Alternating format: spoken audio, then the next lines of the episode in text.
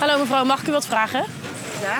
Eh, de verkiezingen komen eraan in maart. En daarvoor zijn we de mensen in Hilversum wat stellingen aan het voorleggen. Vindt u het leuk om een paar stellingen met mij te bespreken? Nou ja, als het lukt. Oké, bent u klaar voor de eerste stelling? Ja? Er moeten meer huizen worden gebouwd in de natuur. Ehm, er moeten meer huizen gebouwd worden? Ja. Buitengebied hangt er ook vanaf wat voor soort natuurgebied het is. Ik denk dat we daar niet aan ontkomen. Weet je, ik vind het zo oneerlijk om nu te zeggen van nou, nou is het eh, klaar en nou mogen we niet meer in het buitengebied. En dan hebben alle jongeren geen huis. Dat is zo'n bullshit. Nee, Waarom niet? helemaal stoppen met bouwen. We hebben te veel inwoners over de wereld, zeker in Nederland. Dus geen woningen, minder mensen. Dus eigenlijk moeten we stoppen met, met, met, het- met kinderen maar. Ja, ja. Nou, dat kunnen we het ook noemen. De vraag naar woningen in Noord-Holland is erg groot. Daarom komen er tot 2030 184.000 nieuwe woningen in de provincie bij. Maar waar komen die woningen te staan? En wat zijn, naast nieuwbouw, nog meer oplossingen voor het stijgende woningtekort? Waar gebouwd mag worden, daarover gaat de provincie.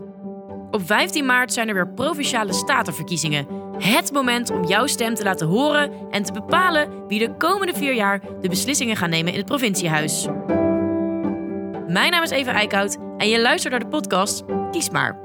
In deze podcast gaan we op zoek naar het verhaal achter de stellingen uit de stemhulp, zodat jij aan het einde van de aflevering een weloverwogen keuze kan maken. Dit is aflevering 1 en daarmee ook de eerste stelling uit deze podcastserie. Namelijk, er moeten meer woningen worden gebouwd in het buitengebied.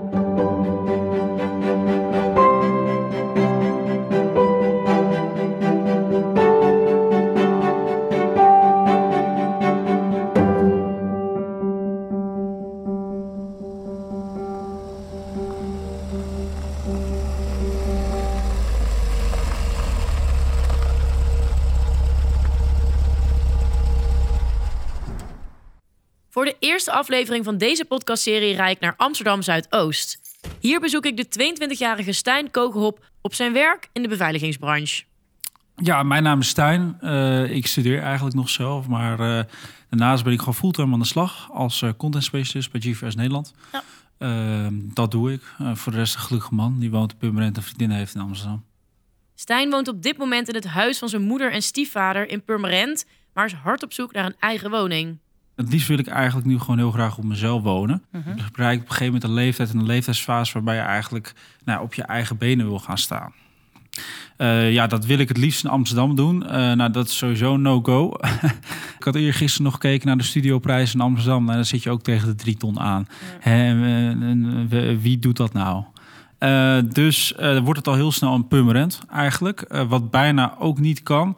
Maar ja, weet je, ik ga ook niet in een weiland wonen. Dus, dus het moet wel een beetje nog bewoonbaar zijn.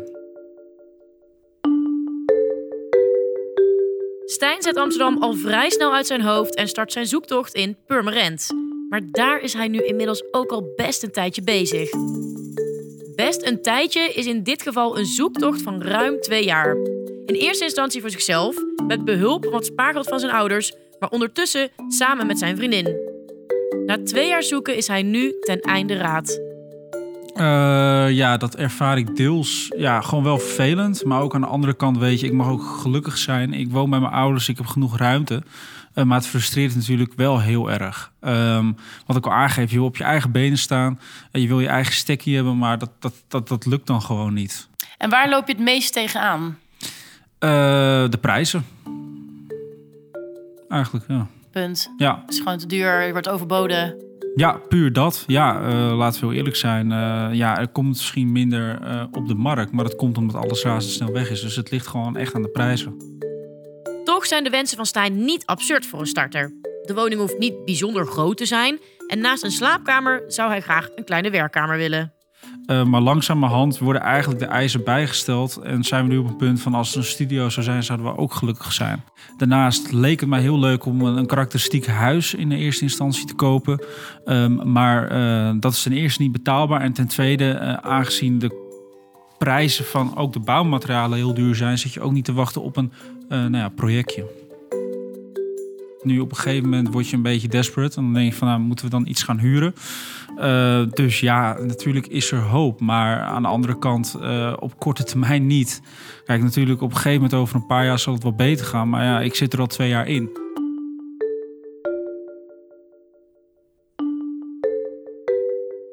Ja, er wordt al, al, al om gesproken van een crisis. Maar we hebben gewoon een uh, fors tekort aan, aan woningen. En uh, ja, in alle klasses voor, voor een hoop groepen. Dus ja, dat is, we hebben echt wel een stevig probleem te pakken. Voor deze aflevering rij ik ook naar de Technische Universiteit in Delft. Hier heb ik afgesproken met Peter Boelhouwer. Peter is hoogleraar huisvestingssystemen en bestudeert de woningmarkt. Ik begin mijn gesprek door Peter de stelling van deze aflevering voor te houden. Er moeten meer woningen worden gebouwd in het buitengebied. Nou ja, dan moet ik afvragen wat is meer. Hè? Uh, we bouwen nu al een behoorlijk veel woningen in, in steden. En ja, er is een discussie van moeten we 80, 90 procent in de stad bouwen of gaan we ook nog een, een misschien 40 procent aan de randen bouwen? Mm-hmm. Dat is de discussie. Dus ik denk dat iedereen ervoor is om uh, waar dat kan ook de stad te verdichten en, en daar uh, meer woningen toe te voegen. Zeker op terreinen waar dat kan. De vraag is van doen we dan ook nog wat aan de randen van, uh, van steden of gaan we misschien zelfs nieuwe steden bouwen? Dat is een beetje de discussie. De randen van de steden dus. Daar bouwen heeft meerdere voordelen. Zo gaat niet alleen het bouwproces sneller, maar is het ook nog eens goedkoper. En het is een plek waar mensen graag wonen. Maar er is natuurlijk ook heel veel agrarisch landschap, uh, industrielandschap, hè, gewoon agrarisch. En daar kan je natuurlijk ook, zou je ook natuur, meer natuur van kunnen maken. De natuur staat best wel onder druk. En uh, nou, ik, ik, kom toevallig, uh, vorige week ben ik bij een bijeenkomst geweest van, uh, van architecten in het oosten van het land. Ja, dan zie je dat je ook nieuwe landschappen kunt, kunt creëren waar echt natuur is, maar waar ook wel wat woningbouw wordt georganiseerd. Hè. Dus, dus ja, een combinatie van wonen en natuur, dat kan juist heel goed samen. Denk aan de tiny house movement bijvoorbeeld, hè? Die, die heel graag ook in dit soort gebieden willen wonen. Die hebben een hele beperkte ecologische voetafdruk, dus dat zou je heel goed kunnen combineren.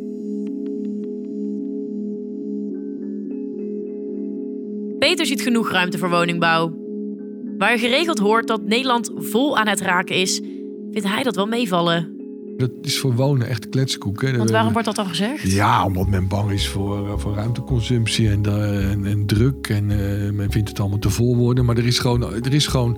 We kunnen meer dan een miljoen huizen bouwen op plekken die al bedacht zijn. Hè, waar in mhm. principe gebouwd kan worden. De exploitatie is vaak een probleem. Eh, de tegenwerking vanuit de bevolking, het not in my backyard, dat maakt dat heel veel plannen vertragen. Maar op zich is, er, is die ruimte er wel. En je kunt ook, ook buiten de steden kun je het landschap zoveel mooier maken. En dat kun je ook deels doen met wonen. Toch is bijbouwen volgens Peter niet de enige oplossing voor de woningcrisis. Daarnaast kun je natuurlijk ook de bestaande voorraad kun je veel efficiënter inzetten. Dat heeft ook weer met nieuwbouw te maken. Dus dat we de goede producten voor ouderen bijvoorbeeld gaan aanbieden. Ja, dan krijg je doorstroming. Ja. We kunnen ja, de voordeelerskorting kunnen we afschaffen of, of minder maken. Zodat het makkelijker wordt om met meerdere mensen in één huis te gaan wonen. Dus ja, daar is ook heel veel winst te behalen. Het is denk ik allemaal en-en. En we kunnen toch ook wel meer tijdelijke woningen, vakantieparken. We bouwen de laatste jaren nooit zoveel vakantieparken gebouwd. Dat verbaast me wel een beetje als je, als je kijkt naar de woningnoten. En je hebt, ja, je hebt, je hebt wel 60 nou, tot 100.000 van die tweede woningen. Die, die kun je natuurlijk ook inzetten. Dat is een keuze. We hebben, we hebben nou, de schattingen van rond de 100.000 tweede woningen. Nou, daar kan je het op een gegeven moment van zeggen. Nu is het klaar. Hè? We hebben zo'n woningnood. Je moet gewoon die huizen moeten gewoon bewoond. En dat is ook wel, in België hebben ze dat ook wel gedaan. Hè? Gewoon belasting betalen op leegstaande woningen. Dat kunnen we ook invoeren. Maar ik zou, ik zou een stap verder gaan. Ik zou gewoon zeggen. Uh, het, is, het is gezien uh, in bepaalde gebieden dan niet meer toegestaan om die woningen niet, uh, niet te bewonen. Als ik Stijn spreek, die dus al twee jaar op zoek is naar een woning in Purmerend, vertelt hij over de hoeveelheid tevergeefse bezichtigingen die hij al achter de rug heeft. Ja, dat is uiteraard dodelijk vermoeiend. Uh, wat ik zeg, het kost heel veel energie natuurlijk om daarheen te gaan, om daar onderzoek naar te doen, maar ook mentaal. Je zit natuurlijk te wachten en je gaat natuurlijk helemaal niet zo'n traject aan waarbij je ervan uitgaat dat het een aantal jaren gaat duren. Als je zo'n traject aangaat, verwacht je natuurlijk op hem, één of twee jaar iets te vinden. Heb je wel eens gedacht, ik gooi de handdoek in de ring, we kappen ermee, we gaan wel huren? Ja, zo vaak, ja. Um, en nu eigenlijk op een punt dat we ook zeggen, nou ja, als, als het huur is, is het eigenlijk ook goed. Ja? Ben je Ja. daar ook al naar, serieus naar aan het kijken nu? Ehm, nog niet serieus. Ehm, wel zitten we in zo'n fase dat we nou eigenlijk nu zeggen van ja, weet je, als dat niet lukt, als kopen gewoon niet lukt, ja, wat moet je dan anders gaan doen? Dus ja, dan is dat eigenlijk de enige volgende optie. Als ik de stelling van deze aflevering aan Stijn voorleg, is hij dan ook van mening dat er meer gebouwd moet worden in Nederland. En ja, ook in het buitengebied. Alleen ik denk dat je heel erg selectief moet zijn op welke locaties. Daarbij praat ik over, eh, nou ja, goed, je hebt natuurlijk het milieu waar je goed aan moet denken. eh, maar ook gewoon aan de omgeving. Het is natuurlijk heel erg gezond ook om hè, een beetje natuur met je mee te krijgen. Eh, dus ik ben er ook niet voor om te zeggen, hey, we gaan hè, bij Permanent heb je vol Purmerend Bos geheel kappen om daar te gaan bouwen. Eh, wat ik wel bijvoorbeeld een hele goede optie vind, is natuurlijk in het nieuwe CO2-beleid hebben ze ervoor besloten dat eh, boeren veel uitstoten. Helaas gezien, maar dat is natuurlijk eh, ja, is wel waar. En uit dat beleid moeten er heel wat boerderijen gaan sluiten. En ehm, eh, dat is heel treurig voor deze mensen. Alleen er komen wel bepaalde weilanden vrij. En ik denk dat je dat heel goed kan opvangen om daarop weer te gaan bouwen. Want dat beleid is natuurlijk gebaseerd op dat we meer kunnen gaan bouwen. Naast bouwen en het aanpakken van leegstand noemt Peter Boelhouwer van de TU Delft nog een futuristische ontwikkeling. Je woning kant en klaar uit een fabriek kopen. Je wijst de locatie aan, de woning wordt in elkaar gezet en je kan direct verhuizen. Die zijn soms vergelijkbaar met een permanente woning. En Ja. het verschil is alleen dat je ze uit elkaar kan schroeven. Ja. Dus je kunt ze ook weer ergens anders neerzetten. Nou, Ja. dat kunnen we heel snel doen. Dat is het voordeel. Hè. Dat kan allemaal snel, ook planologisch. Je verbindt je dan niet voor, voor de eeuwigheid. Maar voor 15, dat kan zelfs voor 30 jaar tegenwoordig. Maar dan kun je wel snel eh, kun je, kun je, kun je schakelen. Want ja, het probleem is wat we nu zien, is dat de bouwvergunningen aan het dalen zijn. Dus we gaan in plaats van meer woningen, hè, die jongen wil alsmaar 100.000 woningen bouwen. Ja, dat gaat helemaal niet gebeuren de komende paar jaar. We gaan alleen maar minder bouwen. En nou, je ziet dat met name door de arbeidsmigratie. En ook wel door de Oekraïne- Oekraïne-instroom nu. Hè, de, vorig jaar 220.000 eh, netto migratie is ongekend veel. Dus we hebben een enorme instroom van, eh, van eh, werknemers. Ja, die moet ook ergens wonen. Hè. Een ander speerpunt van Peter is het huidige woningaanbod beter verdelen. Denk aan ouderen die nu op een groot aantal vierkante meters wonen, of gezinnen waar de kinderen het huis uit zijn. Zij zijn vaak best bereid om kleiner te wonen, maar dit laat het huidige woningaanbod niet altijd toe. Daarvoor zijn meer geschikte kleine appartementen nodig volgens Peter. Als je die meer bouwt, ja, dan zijn ouderen wel bereid om, om misschien eh, te verhuizen. Want ja, voor veel ouderen, die kiezen er toch voor. Dat is ook altijd beleid geweest. Hè? eh, Levensloopbestendig wonen. Je, Ja. je, je ging ergens wonen en dat, die woning was zo ingericht... dat je daar tot, tot je tachtigste kon blijven wonen. Of, Ja. of je hele leven. Ja, dat zijn natuurlijk, toch- zijn natuurlijk wel vaak grote woningen. Dus ja, als we die kunnen inzetten voor bijvoorbeeld eh, desnoods voor kamers, hè, maken we er meer kleine woningen van. Of Ja. we verhuren ze aan een groot gezin. Ja, dan, komt, dan kunnen we het efficiënter inzetten. En nou ja, het mes snijdt aan drie kanten. Want je, je, je speelt woonruimte vrij. Je maakt die Mhm. ouderen gelukkiger. Die zijn gewoon, hè, ja, daar is heel veel winst te behalen. Ik kan me ook wel voorstellen dat Truus van 80 denkt: ja, eh, ik ga nu echt niet meer verhuizen. Nee. Ik zit hier al mijn hele leven. Nee, Die woning is van mij. Hoe. Nee, Truus van 80 niet. Maar ook Truus van 80 die kan op een gegeven moment ook moe- moeilijkheden krijgen met mobiliteit. En dan, dan is, dat, is het wel degelijk voor Truus van 80 ook heel interessant om, om zeker als het in de buurt is, waar ze haar contacten en haar netwerk heeft, om nog een keer te verhuizen. Maar het gaat vooral om empty nesters. Hè. Mensen bij de kinderen het huis uitgaan, of mensen iets ouder kan het ook.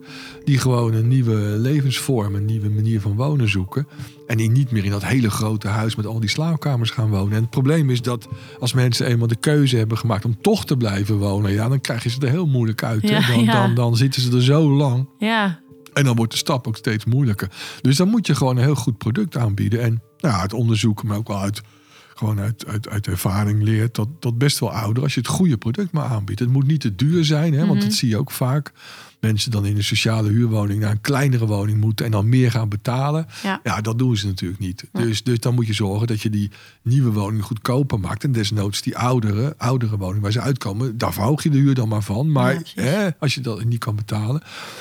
Maar daar moet je slim mee omgaan. het juiste type woningen bouwen om de doorstroom te verbeteren. Zo ontstaat er toch ruimte voor woningzoekende starters. Zoals ook Stijn, die na twee jaar teleurstellingen toch optimistisch blijft. Eh, wonen is belangrijk, maar wat ik zeg, ik woon niet op straat. En eh, dat, dat moet ik altijd hou ik op mijn achterhoofd. Ik heb het helemaal niet slecht. Eh, maar ja, natuurlijk de wil en, en het leven waar je nu in zit. Kijk, je kan alles is subjectief. Je kan natuurlijk niet alles objectief bekijken. Maar ik heb natuurlijk wel mijn achterhoofd dat ik niet op straat leef. Nee, je bent er gewoon heel erg klaar voor om op jezelf te gaan. Ja, Punt. Dat Ja. staat buiten kijf. Wa- wat ik aangeef is van, weet je, gebruik die, die loze ruimtes. Ik bedoel van, echt waar, ik wil echt niet dat de bossen gekapt worden. Ik wil echt niet dat die natuur daar aan kapot gaat. Eh, maar er zijn wel gewoon heel veel gebieden dat het kan.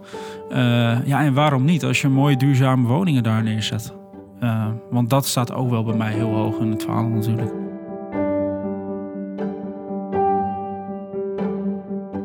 Op 15 maart is het aan jou. Kies maar wie jouw mening de komende vier jaar moet vertegenwoordigen in de provincie. Ben je nog niet helemaal uit welke partij dat moet zijn?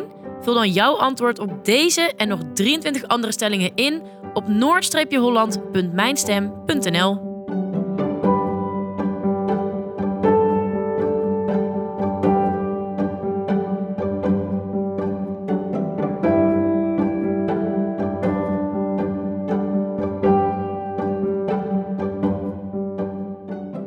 is een productie van het podcastkantoor en wordt gemaakt in samenwerking met de provincie Noord-Holland.